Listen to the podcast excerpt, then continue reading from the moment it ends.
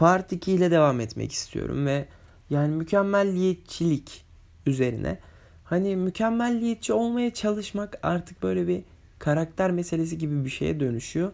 Ama ya bu çok yorucu ya.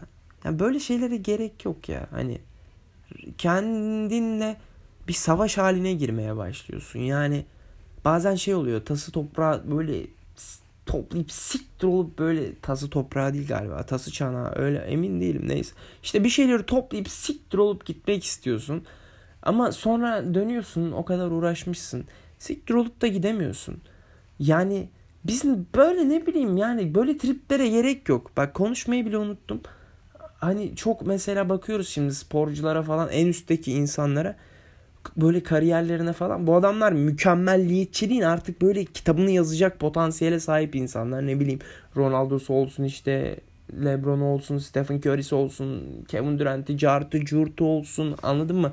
Nadal olsun falan işte spor kültüründen örnekler falanlar filanlar.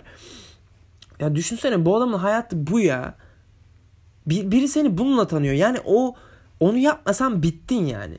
Anladın mı? Böyle tanınmak da sizce çok mu pozitif?